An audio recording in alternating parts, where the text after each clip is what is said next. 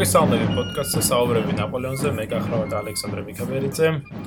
ცოტა შეგვაგვიანდა ეს პოდკასტი, მაგრამ ამის თავისი მიზეზები იყო ამისოთ.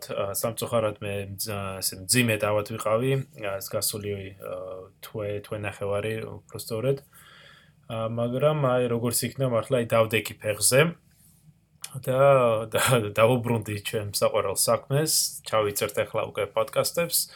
დღეს სამწუხაროდ ნიკა არ არის ჩემთან ერთად, მაგრამ შემდეგ პოდკასტებში შემოგვიერთდება და ერთად გავუძღვებით ჩვენს დისკუსიებს. ა წინა პოდკასტში ჩვენ ვისაუბრეთ ულმის ოპერაციაზე 1805 წლის. დღეს ჩვენ დავასრულებთ მესამე კოალიციის ომს და განვიხილავთ სწორედ აუსტრალიის ბრძოლას. როგორც ნახეთ, მესამე კოალიციის ომი მეტად სწრაფად წარიმართა. ომი ახალი დაწყებული იყო, როდესაც ნაპოლეონმა საოცარი სისტრაფით გადაისროლა დაახლოებით 150000 კაციანი ჯარი საფრანგეთის ატლანტიკის ნაპირებიდან ავსტრიაში. განადგურა ავსტრიელთა ერთი ჯარი ულმთან, უკუაქცია რუსული ჯარი და დაიკავა ავსტრიელთა დედაქალაქი ვენა. ნოემბრის ბოლოსთვის რუსულ-ავსტრიული ჯარები უკვე აღმოსავლეთ მორავიაში იყვნენ განლაგებულნი. ამ დროისათვის ავსტრიელებმა დაკარგეს 10000 ჯარისკაცი და იძულებულები იყვნენ დაეტოვებინა თავისი იმპერიის დასავლეთი ნაწილები და სასწრაფოდ გაიყვანა ჯარი იტალიიდან, რათა იმპერიის დარჩენილი ნაწილი დაეცოთ. ასეთი წარუმატებლობის მიუხედავად, ავსტრიელებს მაინც ჰქონდათ ომის მოგების იმედი. ნაპოლეონი ხომ უკვე ავსტრიის შუაგულში იყო, ანუ საფრანგეთიდან და იქ არსებული რესურსებიდან საკმაოდ მოშორებული. ფრანგულმა ჯარმა განიცადა სამხედრო დანაკარგები და რაც თავარია, იყო გაწელილი რამდენიმე ასეული კილომეტრის სიგრძის სამოკომუნიკაციო ხაზის გასწრებ, რის გამოც უშუალოდ ნაპოლეონის ხელქვეშ მხოლოდ 70000-მდე კაცი თუ შეიკრებებოდა. ამავე დროს რუსები და ავსტრიელები ქალაქ ოლმუცთან აგროვებდნენ ჯარებს და ემსადებოდნენ შეტევისათვის. ნოემბრის მიწურულისათვის მოკავშირეთა საერთო ძალა დაახლოებით 90000 კაცს აღწევდა. მაგრამ ისინი ასევე ელოდებოდნენ დამატებით ძალებს. მოკავშირეები დღიდი დღე ძლიერდებოდნენ და უკვე ღიად საუბრობდნენ ნაპოლეონის დამარცხების თაობაზე. მათ შეიმუშავეს ამოქმედო გეგმა, რომელიც ითვალისწინებდა რუსულ-ავსტრიული ძირითადი ძალების მიერ შეტევის წამოწყებას ოლმუციდან, ხოლო ერცჰერცოგ ფერდინანდი თავისი ავსტრიული ჯარით შეუტევდა ფრანგებს პრაღიდან. ამრიგად ნაპოლეონი ორ მარწუხ შორის აღმოჩნდებოდა და დამარცხდებოდა. მაშ რას აკეთებდა ნაპოლეონი ამ პერიოდში? 1805 წლის 20 ნოემბერს ფრანგებმა დაიკავეს ქალაქი ბრუნი, იგივე ბრნო. სამხრეთ მორავიაში მდებარე ეს ქალაქი დღესდღეობით სიდიდით მეორეა ჩეხეთის რესპუბლიკაში, მაგრამ იმ დროს, მე-19 საუკუნის დასაწყისში, ის ბევრად უფრო მომცრო ზომის დასახლება იყო, რომელსაც თითქოს და დიდი როლი არ უნდა ეთამაშა მიმდინარე მესამე კოალიციის ომში. მაგრამ სწორედ ბრუნში ყოფნისას შეიმუშავა ნაპოლეონმა სამხედრო მოქმედების გეგმა, რომლითაც ომი მოიგო და ევროპის ბედი გადაწყვიტა. ბრუნის დაკავების შემდეგ ნაპოლეონმა ნაპოლეონმა აქ გადმოიტანა თავისი შტაბი და ქალაქის არემარეს დათვალიერებას შეუდგა. 21 ნოემბერს მან ქალაქიდან აღმოსავლეთით იმგზავრა დაახლოებით 20 კილომეტრის მოშორებით მან ინახულა ბორცვი, პატარა მორცვიერი, დღესაც იქვე არის რომ მსმენელს შეუძლია მივიდეს მოინახულოს. მოკლედ ამ ბორცვზე რომ ავიდა, წინ მეტად შვენიერი პანორამა გადაეშალა.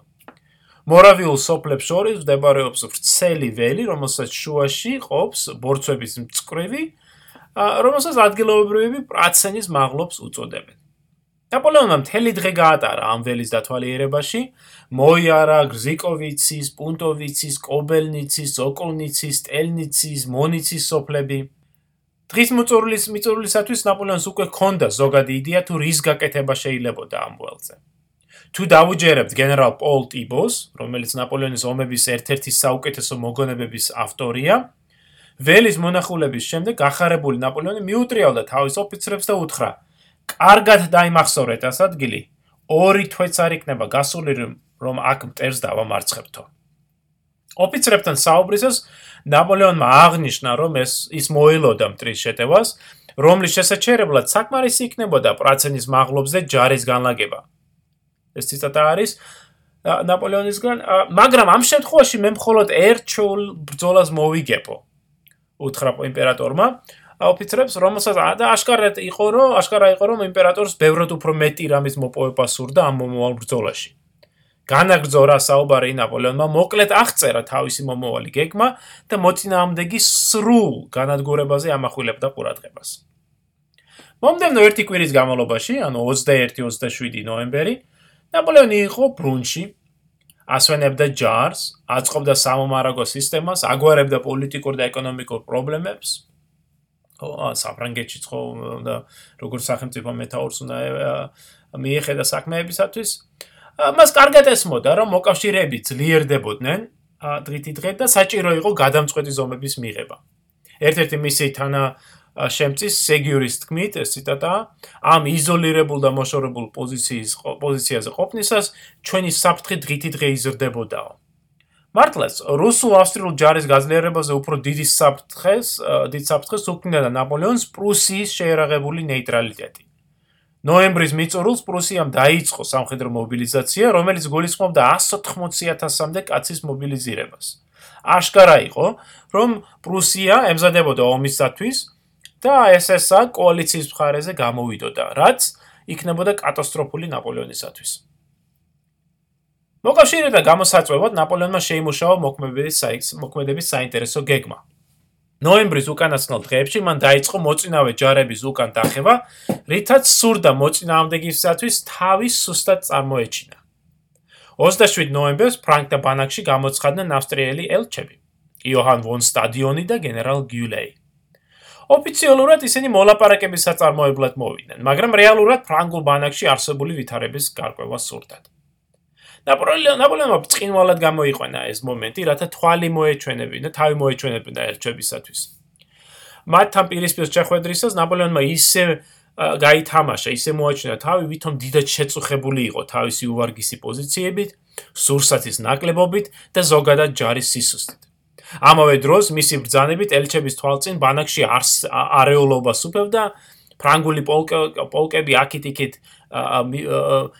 დადიოდნენ ზოგი უკან იხებდნენ სინამდვილეში ისინი ბანაკიდან გასულები უკან ბრუნდებოდნენ და ყოველივე ამან ბანაკში არსებული ზოგადი ვითარება ჯარისკაცთა ეს დასრული ტანისამოსი ხო იერსახე ნაპოლეონის თვით საუბრის მანერამ ყოველივე ამან მეტად ესეთი ცუდი შაბეშტილება დატოვა ალჩებზე და დაარწმუნა ისინი რომ ფრანგები მართლა სუსტ გომარეო სუსტები იყვნენ იმავე დღეებში ფრანგებმა დატოვეს ყველა მნიშვნელოვანი მიმართულება, მათ შორის ვიშაუსკენ, რაუსნიცისკენ, აუსტერლიცისკენ, ხო? აა და ზოგადგილას თითქმის 20 კილომეტრის მანძილზე გაუჩერებლად იხევდნენ უკან, რათა მოკავშირეებისათვის ისე წარმოეჩინათ ვითარება, ვითომ მოუმზადებლად და სასწაბროდ, სასწრაფოდ იხევდნენ უკან. მაშინ, როდესაც ნაპოლეონი რეალურად აკონტროლებდა ამ უკან დახევას და ძალების კონცენტრირებას ახდენდა. 28 ნოემბერს ნაპოლეონს კიდევ ერთხელ მიეცა საშუალება გაეთამაშა სპექტაკლი მოკავშირეებისათვის. ამჯერად უკვე რუსეთის იმპერატორის ალექსანდრეს დესპანის წინაშე. ეს დესპანი იყო პეტრე დოლგორუკოვი. პეტრე დოლგორუკოვის SSA 28 წელი შეუსრულდებოდა, 30 დეკემბერს იყო მისი დაბადების დღე. ეს ძლევამოსილი რუსი თავდაზნაურის პირმშო იყო და მან ბრწყინვალე კარიერა გაიკეთა ჯარში, ის მხოლოდ ორ ნახევარი, ორ ნახევარი თვის იყო, როდესაც მამამისმა საჭირო ხალხის დახმარებით, რა თქმა უნდა, ჯარში ჩარიცხა, თანაც უბრალო პოლკში კი არა, თვით ლეიბგვარდიის იზმაილოვსკის პოლკში. 14 წლისას, ისე რომ ჯარი ერთი წამითაც არ უნახავს, დოლგორკოვი უკვე კაპიტანი იყო. ხოლო 20 წლის ასაკში უკვე გენერალ-მაიორობას გამოკრა ხელი. ამავე დროს ის იმპერატორის ადიუტანტი და დაახლოებული პირი გახდა. ახალგაზრდა, პატივმოყვარე, ამპარტავანი დოლგორკოვი დარწმუნებული იყო, რომ მოკავშირეთა დაზვერვის მიერ მოწოდებული ინფორმაცია ფრანგების უკან დახევის თაობაზე იმის მანიშნებელი იყო, რომ ნაპოლეონი მეტად სუს პოზიციაში იყო და ის მისი განადგურება შეიძლებაოდა. სწორედ ამიტომ დოლგორკოვი და მისი მეგობრები ისინიც არანაკლებად გამოუცდელი, არანაკლებად ახალგაზრდა, რომ არაფერი ვთქვა ამბიციური და ამპარტავანი ოფიცრები ისინი ყველანი არწმუნებდნენ იმპერატორ ალექსანდრეს, არ მოესმენა ძველი კადრებისათვის, მათ შორის გენერალ მიხეილ კუტუზოვისათვის, რომლებიც სიფთხილეს ურჩევდნენ იმპერატორს და ურჩევდნენ იმპერატორს დაუყოვნებლივ და ეს ეს ახალგაზრდა ოფიცრები ურჩევდნენ იმპერატორს დაუყოვნებლივ წამოეწყო შეტევა ნაპოლეონისა ნაპოლეონის წინააღმდეგ. ამრიგად, დოლგორუკოვის გამოჩენა ფრანკთა ბანაკში არ იყო შემთხვევითი. რუსეთის იმპერატორს სურდა თავისი კაცის თვალები დაინახა თუ რა ხდებოდა ფრანგულ ჯარში. ნაპოლეონმაც დაანახა.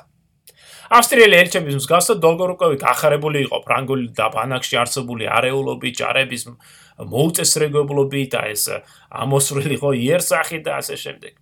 ამით იმედ მოცუმულმა დოლგორუკოვმა მეტად კადნიერი საუბარი დაუწყო ნაპოლეონს. ისე მესაუბრებოდაო, შემდგომში აღნიშნავს ნაპოლეონის წერილში.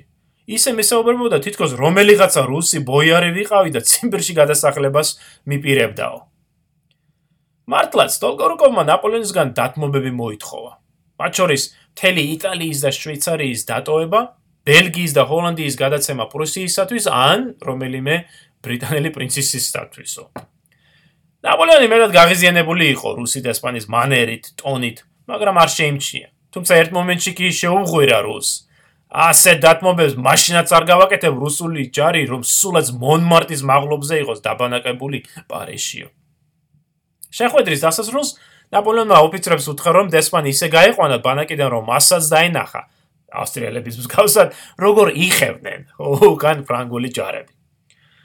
ტოლკორუკოვმაც აცნობა იმპერატორს ყოველივე რაც მან ნახა და აღუწერა ყოველივე ისეთ ისეთ სიტყვებით, რომ ალექსანდრეს ეჭვი არ ეპარებოდა ნაპოლეონის სისუსტეში.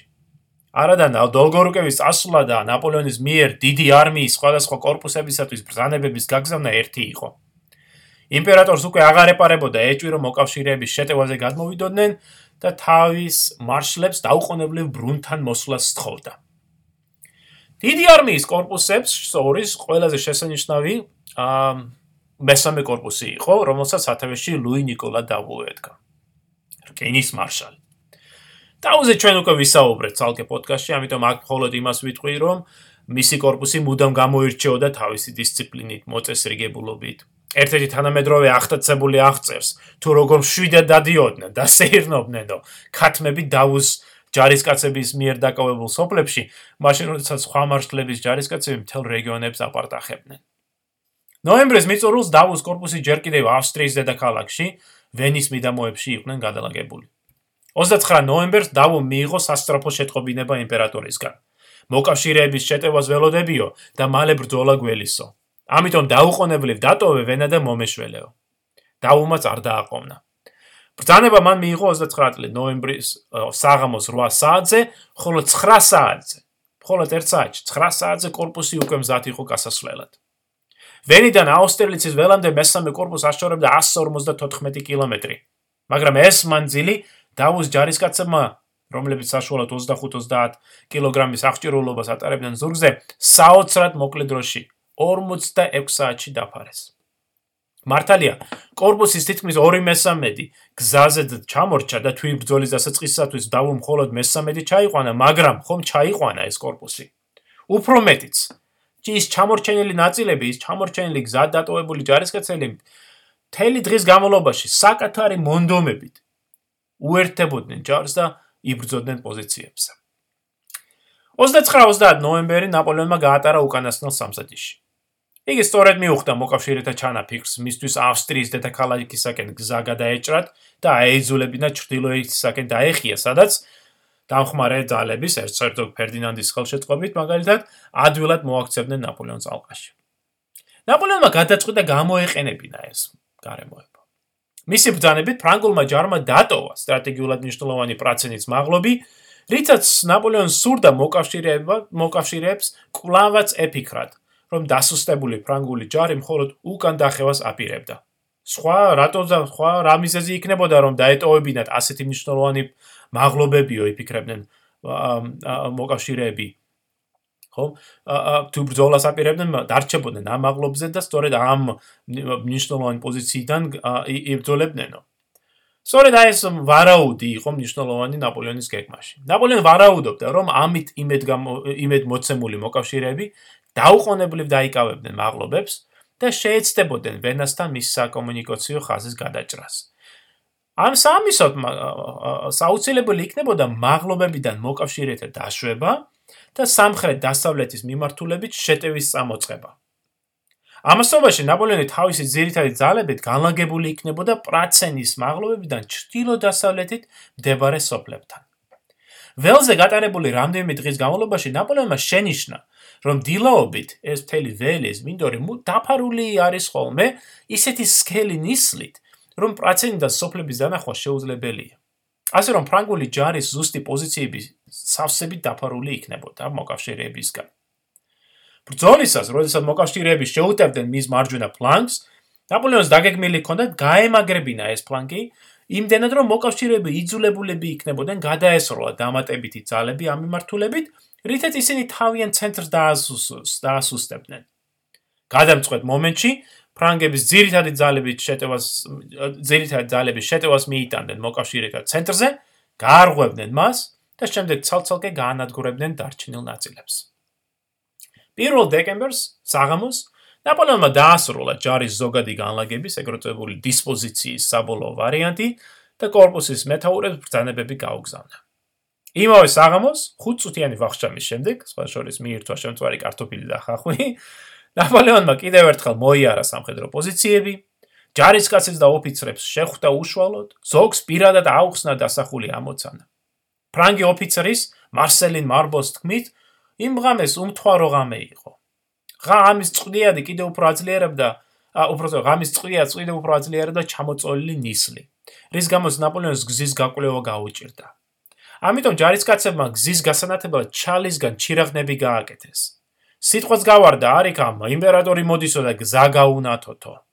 თილთხვილელის თქმით ეს ციტატა ერთ წუთში ჩვენს თვალწინ ათასობით ჯარისკაცმა ცეცხლი წაუკიდა ჩირაღნეს და თითქოს ჯადოსნურად ცეცხლი დაინთოთ ჯარის მთელი ხაზის გასწრიო ფრანგი ოფიცერი ლუი ფრანსუა ლეჟენი რომელიც შემდგომში სახელს გაითქვას როგორც გამოჩენილი ფერმწერი აღნიშნავს რომ ციტატა მხოლოდ ის, ვინც იცის თუ რაოდენ რთულია თივის შოვნა ომის დროს მიხვდება თუ რაოდენ დიდი მსხვერპლი გაიღეს ჯარისკაცებმა, როდესაც თავიანთი საწოლებს ცეცხლი წაუკიდეს და თავიანთ მეთაურს გზა გაუნათესო.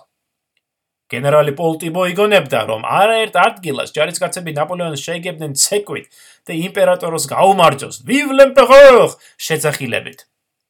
ნაპოლეონი ახტაცებული იყო ამ დახვედრით და მომავალი გამარჯვების ნიშნად აღიქვა ეს ყოველივე. ამავე დროს ბძოლის ველის მეორე მხარეს მოკავშირეები გაკვირვებულები იცქერებოდნენ განათებულ, მაგრამ ნისლიან ღამეში და ვერ ხვდებოდნენ რა ხდებოდა. ხმაური ესმოდათ ხო ხედავდნენ ამ ჩირაღნებს, მაგრამ ვერ ამ ნისლის გამო ზუსტად ვერ ვერ ხედავდნენ რა ხდებოდა. საბოლოოდ ბევრმა მათგანმა განსაკუთრებით ოფიცრებმა ეს ყოველია ფრანგების უკან დახევის, ანუ კიდევ ერთხელ სისუსტის, ხო, უკან დახევის სამსადისად მიიჩნიეს. ამრიგად, თუ ფრანგულ მხარეს ჩვენ ხედავთ ერთიან სარდლობას, შემართებულ ჯარს, კარგად ჩაფიქრებულ სამოქმედო გეგმას, ეფექტურ სადაზვერვო სისტემას, ტრის ჩანაფიქრის კარგ ანალიზ და საპასუხო მოქმედებების გააზრებას, მოკავშირეთა მხარეს სავსებით განსხვავებულ ვითარება გვხდება. მოკავშირეების ერთ-ერთი უპირველესი პრობლემას წარმოადგენდა სადაზვერვო სისტემის ჩავარდნა. შეიძლება ითქვან, რომ ისინი ბრმად მოქმედებდნენ, ვინაიდან 2 დეკემბრის დილამდე მოკავშირეთა სარდლობამ არ იცოდა ზუსტად რომელ პოზიციებზე იყო განლაგებული ფრანგული ჯარი, რამდენად ძლიერი იყო, რამდენი სუსტი გააჩნდა და ასე შემდეგ, ასე შემდეგ. მეორე მნიშვნელოვანი პრობლემა იყო ერთიანი სარდლობის არარსებობა, როგორც ასეთი. კი, რა თქმა უნდა, ალექსანდრე იმპერატორი იყო იქ, იმპერატორი ფრანცი იყო იქ, მაგრამ რუს და ავსტრიელ ოფიცრებს შორის საკმაოდ დაძაბული ურთიერთობა სუფევდა. თავარ შტაბში განხეთქილება იყო სამოქმედო გეგმის თაობაზე. ოფიცერთა ერთი ნაწილი, მათ შორის როგორც აღნიშნე თვით მიხეილ კუტუზოვი, ითხოვდა უკან დახევას და უკეთესად უკეთ მომზადებას. ხოლო მეორე ნაწილი, როგორც ჩვენ ნახეთ დოლგორუკოვი და სხვები ოფიცრები, შეტევის მომხრეები იყვნენ. მოკავშირეთა შტაბში არსებულ მდგომარეობის კარგი მაგალითია ბრძოლის წინა დღეს, 1 დეკემბრის გვიან ღამით, შემდგარი სამხედრო საბჭო, რომელსაც ავსტრიელმა გენერალ რომელსაც რომლის დროსაც ავსტრიელმა გენერალმა ვეიროიტერმა, ხო, წარადგინა გეგმა, წაიკითხა ის ოფიცრების წინაშე და აი ფაქტობრივად დისპოზიცია აჩვენა. როგორც ნაპოლეონი ავარაუდობდა, ვეროტერის გეგმის მიხედვით რუსულ-ავსტრიული ჯარის ნაწილს ფლანგიდან უნდა შემოევლოთ ფრანგებისათვის, გადაეჭრათ ვენასთან საკომუნიკაციო ხანსი, უკუეგდოთ ნაპოლეონი რჩილილოეთით, სადაც ის ალყაში მოექცეოდა და განადგურდებოდა.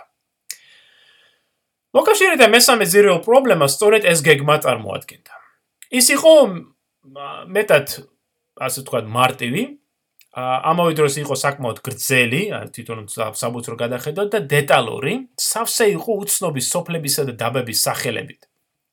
გეგმის მიხედვით მოკავშირეთა ჯარი უნდა უნდა გაიყო უბრალოდ ჯარი გაიყო რამდენიმე კოლონად, პირველი სამი კოლონა რუსულ და ავსტრიულ ჯარების იყო რუსი გენერლების მეთაურობით, სხვა შორის გენერალების ბუქსგევდენის, დოხტუროვის და ლანჟერონის. და ისინი შეადგენდნენ ჯარის მარცხენა ფრთას, რომელსაც დავალებული ჰქონდა წამოეწყო შეტევა ფრანგთა მარჯვენა ფლანგზე, გაერღვია ის გასულიყო ფრანგების ზურგში, რითაც ნაპოლეონს ასწორეთ უკან დახევას აიძულებდა. მეოთხე კოლონა, ისიც რუსულ-ავსტრიული კოლონა, გენერალების კოლოვრატის და მილოროდოვიჩის მეთაურობით იკავებდა ცენტრს პრაცენის მაღლობზე, ხოლო მეხუთე კოლონა გენერალ ბაგრატიონის მეთაურობით, რომელსაც მხარს უბავდა ავსტრიელი გენერალი ლიხტენშტაინი, შეადგენდა მარჯვენა ფლანგს. რუსეთის გვარდიის რეზერვი ცალკე კოლონად იდგა და მას დიდი მთავარი მეფე თვით იმპერატორის ალექსანდრე პირველის ძმა კონსტანტინე მეთაურობდა. გეგმის მიხედვით კოლონების განლაგება და გადაადგილება ისე იყო ჩაფიქრებული და ისე ჩახლართულად იყო ყოველი მოფიქრებული რომ ისინი უცილობლივ გადაეკვეთებოდნენ ერთმანეთს რაც გამოიწვევდა როგორც არეულობას ასევე სამხედრო მოქმედების შეფერხებას უფრო მეტიც სამხედრო გეგმის შესა აა გეგმის განხილვას რომ რომ რომ შემდგარი ყავს განხილვა ის აუცილებლად გამოავლენდა ბევრს მხარეს მაგრამ აი სამხედრო საბჭოზე ამ განხილვას ხელს უშლიდა ის გარემოება, რომ რუსი გენერლის ალექსანდრე ლანჯერონის თქმით, ციტატა, ავსტრიელები ისე გვექცეოდნენ ჩვენ თითქოს სკოლის მოსწავლეები ვიყავითო. ამრიგად რუსი გენერალების ნაწილი მეტად გულგრილი დარჩა. სანამ ვეროტერი კითხულობდა ამ გეგმას, კუტუზოვს აშკარად ეძინა, რადგან ვერანაირ სარგებლობას ვერ ხედავდა ვერც ამ ვეროტერის მოსმენაში და მით უმეტეს ამ დისპოზიციაში ჩამოთვლილი უცნობი ადგილების მოსმენაში. გენერალი ბუქსგევდენი კი იდგა ფეხზე და ისმენდა, მაგრამ ლანჟერონის თქმით, სახეზევე ეთყობოდა, რომ გეგმის გეგმას გეგმის ვერაფერი გაიგო. გენერალი მილაროდოვიჩი ჩუმად იდგა მაგიდასთან, ხოლო გენერალი დოხტუროვი რუკის თვალიერებით იყო უფრო გართული ვიდრე გეგმის მოსმენით. ვეროთერმა რომ დაასრულა კითხვა, ლანჟერომა სადა რამდენიმე კითხვის დასმა, მაგრამ ის არად ჩააგდეს. სამხედრო საბჭო დასრულდა 2 დეკემბრის დილის 3 საათზე. მომდენო 3 საათის განმავლობაში მოკავშირეთა შტაბში მომზადდებოდა გეგმის რამდენიმე ასლი, რომლებიც მე გაიგზავნა დივიზიების მეთაურებთან, სადაც აღმოჩნდა, რომ ზოგიერთმა რუსმა გენერალმა და ოფიცერმა არ იცოდა გერმანული და ამიტომ არ ესმოდა რა ეწერა ბრძანებაში. მაგრამ გერმანულის ცოდნებსაც კი გაუჭირდათ ამ გეგები ამ გეგმის გაგება. რუსი ოფიცერი ალექსეი ერმოლოვი, სწორედ ის ერმოლოვი შემდეგში კავკასიაში რომ სახურობდა, ალექსე ერმოლოვი აღნიშნავდა, რომ დილით მას დისპოზიციის მხოლოდ ერთი ასლი აჩვენეს, რომელსაც უცებ წაუკითხეს და მაგას შეძლო გადახედვა უცებ. ტექსტი ციტატა არის: ტექსტი სავსე იყო უცნობი და რთულად დასამახსოვრებელი სოფლების, ტბების, მდინარეების სახელებით, მათ შორის მანძილებით და სხვადასხვა რიცხვებით. ამ საბუთის ასლის გაკეთების უფლებაც კი არ მოგწეს, ვინაიდან საკმარისი ასლები არ იყო და საჭირო იყო სხვა მეთაურებისათვის მათი წაკითხვაო. ამრიგად, როდესაც ეს გეგმა წავიკით, წავიკითხეთ, თითქმის ვერაფერი გავიკეთო. ხოლოდ ერთი დასკვა გამოვიტანეთ. დილით შეტევაზე გადავდივართ. ერთ-ერთი ოფიცრის თქმით, როდესაც პეტრე ბაგრატიონი, რომელიც არესტრებოდა სამხრეთ საბჭოს, მაგრამ შემდეგ გაეცნო გეგმას, როდესაც მასაც მიუტანეს ეს ასლი, ერთ-ერთი ასლი, ბაგრატიონმა იქვე მდგომ ოფიცრებს გადახედა და უთხრა: ჩვენ უეჭვლივ დავმარცხდებითო. 2 დეკემბრის ცივი დილით როგორც კი ნისლიამ დელოზე ამოვიდა მზე, ნაპოლეონმა ბრძოლის დაწყების ნიშანიც მისცა. ეს იყო მისი კორონაციის წლისთავი, ხო? 1804 წლის 2 დეკემბერს მან გვირგვინი დაედგა, გახდა იმპერატორი. ეხლა უკვე 1805 წლის 2 დეკემბერია. ნაპოლეონი გარკვეულწილად ბედნიერად, თავდაჯერებულად გრძნობდა თავს. მზის პირველი სხივის დანახვისას ნაპოლეონი მიუტრიალდა თავის ოფიცრებს და უთხრა: "აი, აუსტერლიცის მზეც!" მზის ამოსვლისთანავე მოკავშირეთა მარცხენა ფრთამ დაიწყო საფლანგო მანევრის შესრულება და ფრანგების მარჯვენა ფლანგს შეუტია. აქ მას დახვდა თვით რკინის მარშალი დაუ, რომელიც თავისი დამაშრალი корпуსის რამდენიმე საათის განმავლობაში მედგართ წინაობას უწევდა მოკავშირეებს. მართალია დაახლოებით 9.5-ის მოკავშირეებმა შეძლეს აქ მდებარე სოფლების ტელნიცის და სოკოლნიცის ხელში ჩაგდება, მაგრამ დავუმ უმალვე მოახერხა თავისი корпуსის გადაჯგუფება და კონტრშეტევის წამოწყება. თან ისე რომ 15 წუთის შემდეგ 8:45-ისთვის, ესე 8:50-ისთვის სოკოლნიცი კვლავ ფრანგების ხელში იყო. მოკავშირეები დასჭირდათ კიდე მოკავშირეებს დასჭირდათ კიდევ ერთი საათი და რამდენიმე 1000 დამხმარე ჯარისკაცი, რათა საბოლოოდ აიღოთ ეს სოფლები.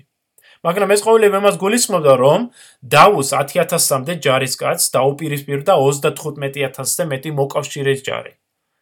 რომელთა ნაწილი, რა თქმა უნდა, მოკავშირეებმა სწორედ პრაცენის მაღლობზე მდებარე ცენტრიდან გადმოისროლეს და ამრიგად საგრძნობლად შეასუსტეს ის. მართლაც, მაღლობზე მოკავშირეებს მხოლოდ 17000-მდე კაცი ყავდა დარჩენილი, მაშინ როდესაც ნაპოლეონს მატინამდე ბურუში ამ ნისში გახვეული 40000 კაცი ყავდა განლაგებული.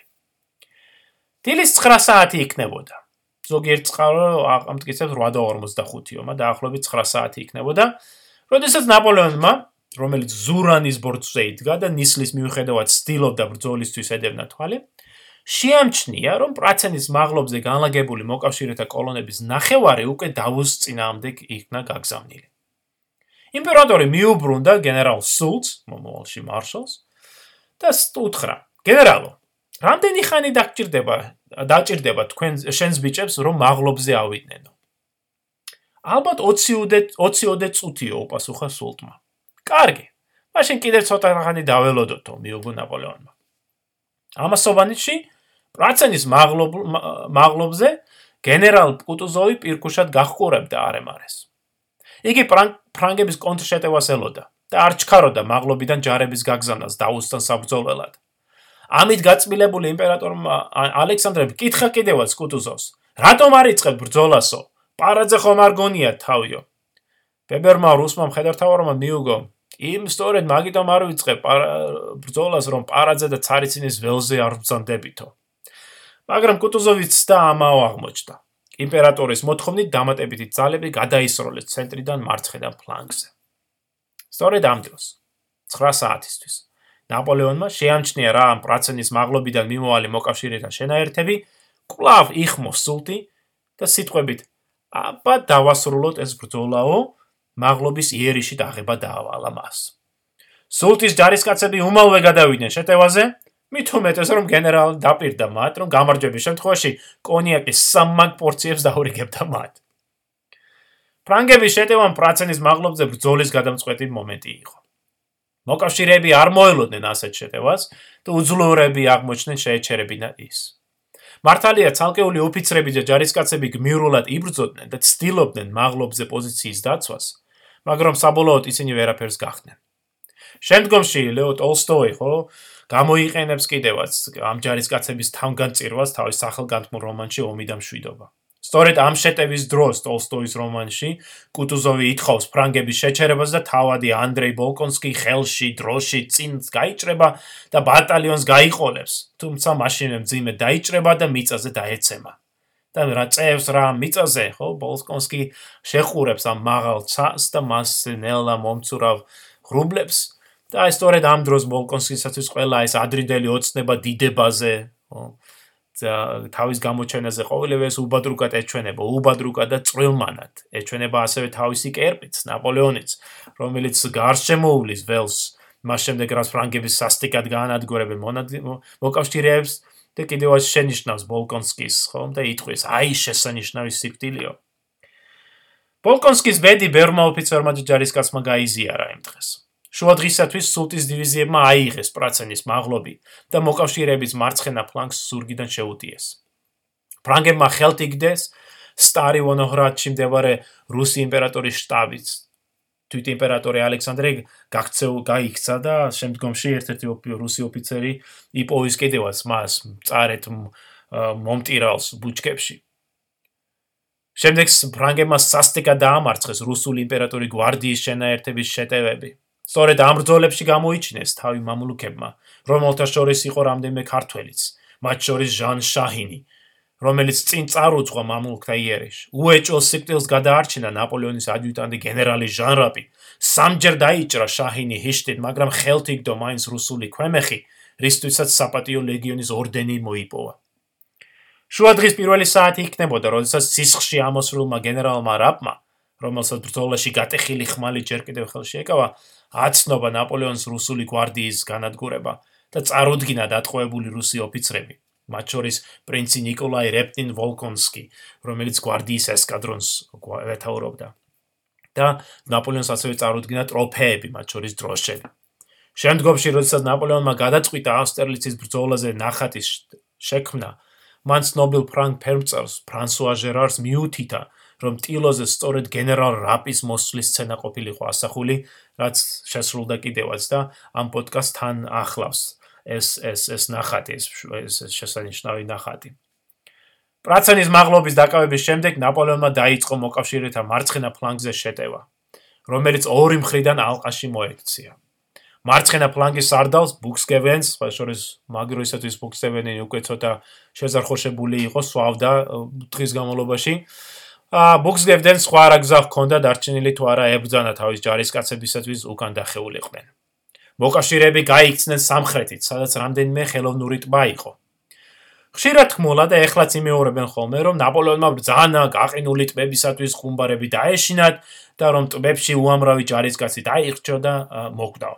მაგრამ ეს არ შეეფერება სიმართლეს. ჯერ იმით დავიწყო, რომ ყინული არ იყო საკმარისად სქელი, რომ გაეძლო ამდენი ხალხისათვის. შემდეგ ეს არ იყო ეს ტბების ზოგად წარმოადგენა რო ქონდეს ხო ეს ტბება კი ტბები კი არ იყო არამედ იყო თევზის მოსაშენი აუზები. ამინდა ამ რიგად საკმარისად ღრმაც არ იქნე არ იყო.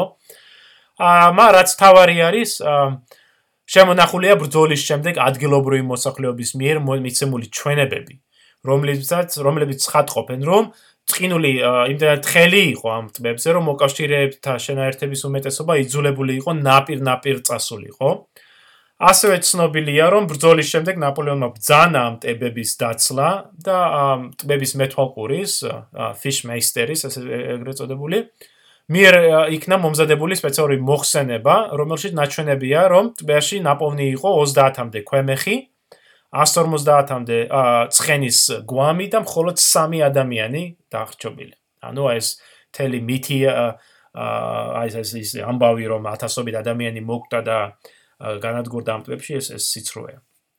შედარებით უკეთესი ვითარება იყო მოკავშირეთა მარჯვენა ფლანგზე, ჩრდილოეთით, სადაც ფრანგებს დიდი წინააღმდეგობას უწევდა პეტრე ბაგრატიონი.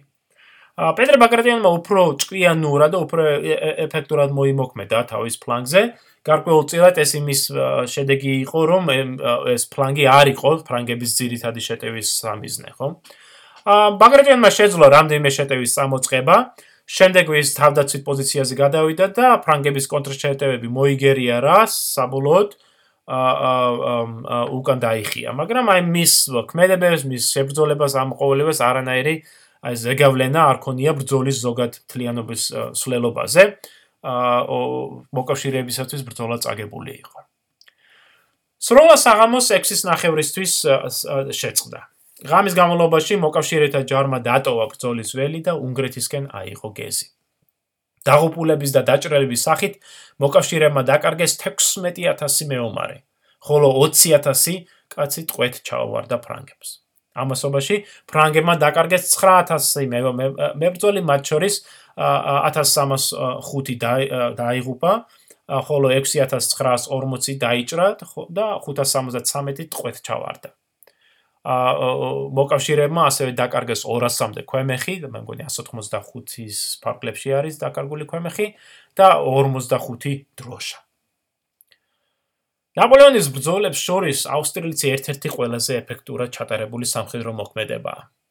აქ ჩვენ ხედავთ ბრწყინვალე ჩანაფიქრს, ადგილმდებარეობის შესანიშნავად გააზრებას და გამოყენებას. დროის საუცხო გამოყენებას, корпуსებზე დაფუძნებული ფრანგული ჯარის ახალი სისტემის უპირატესობას, თვით ჯარისკაცების შესანიშნავ გასწვრთნას და დისციპლინას, რომ არაფერი ვთქვათ, მათ სულისკვეთებაზე ან ოფიცერთა განსაკუთრებით ისეთი ოფიცრების, როგორც არის დაუ, სულტი, ან გენერლები ფრიანი, ვანდამი, სენილერი, ასტორეთ აი ესეთი ოფიცრების ჩინებულ მეთაურობას. ნაპოლეონმა მოახერხა მტრისათვის საკუთარი გეგმის მოხვევა მახეში გააბა და სასტიკად დაამარცხა იგი.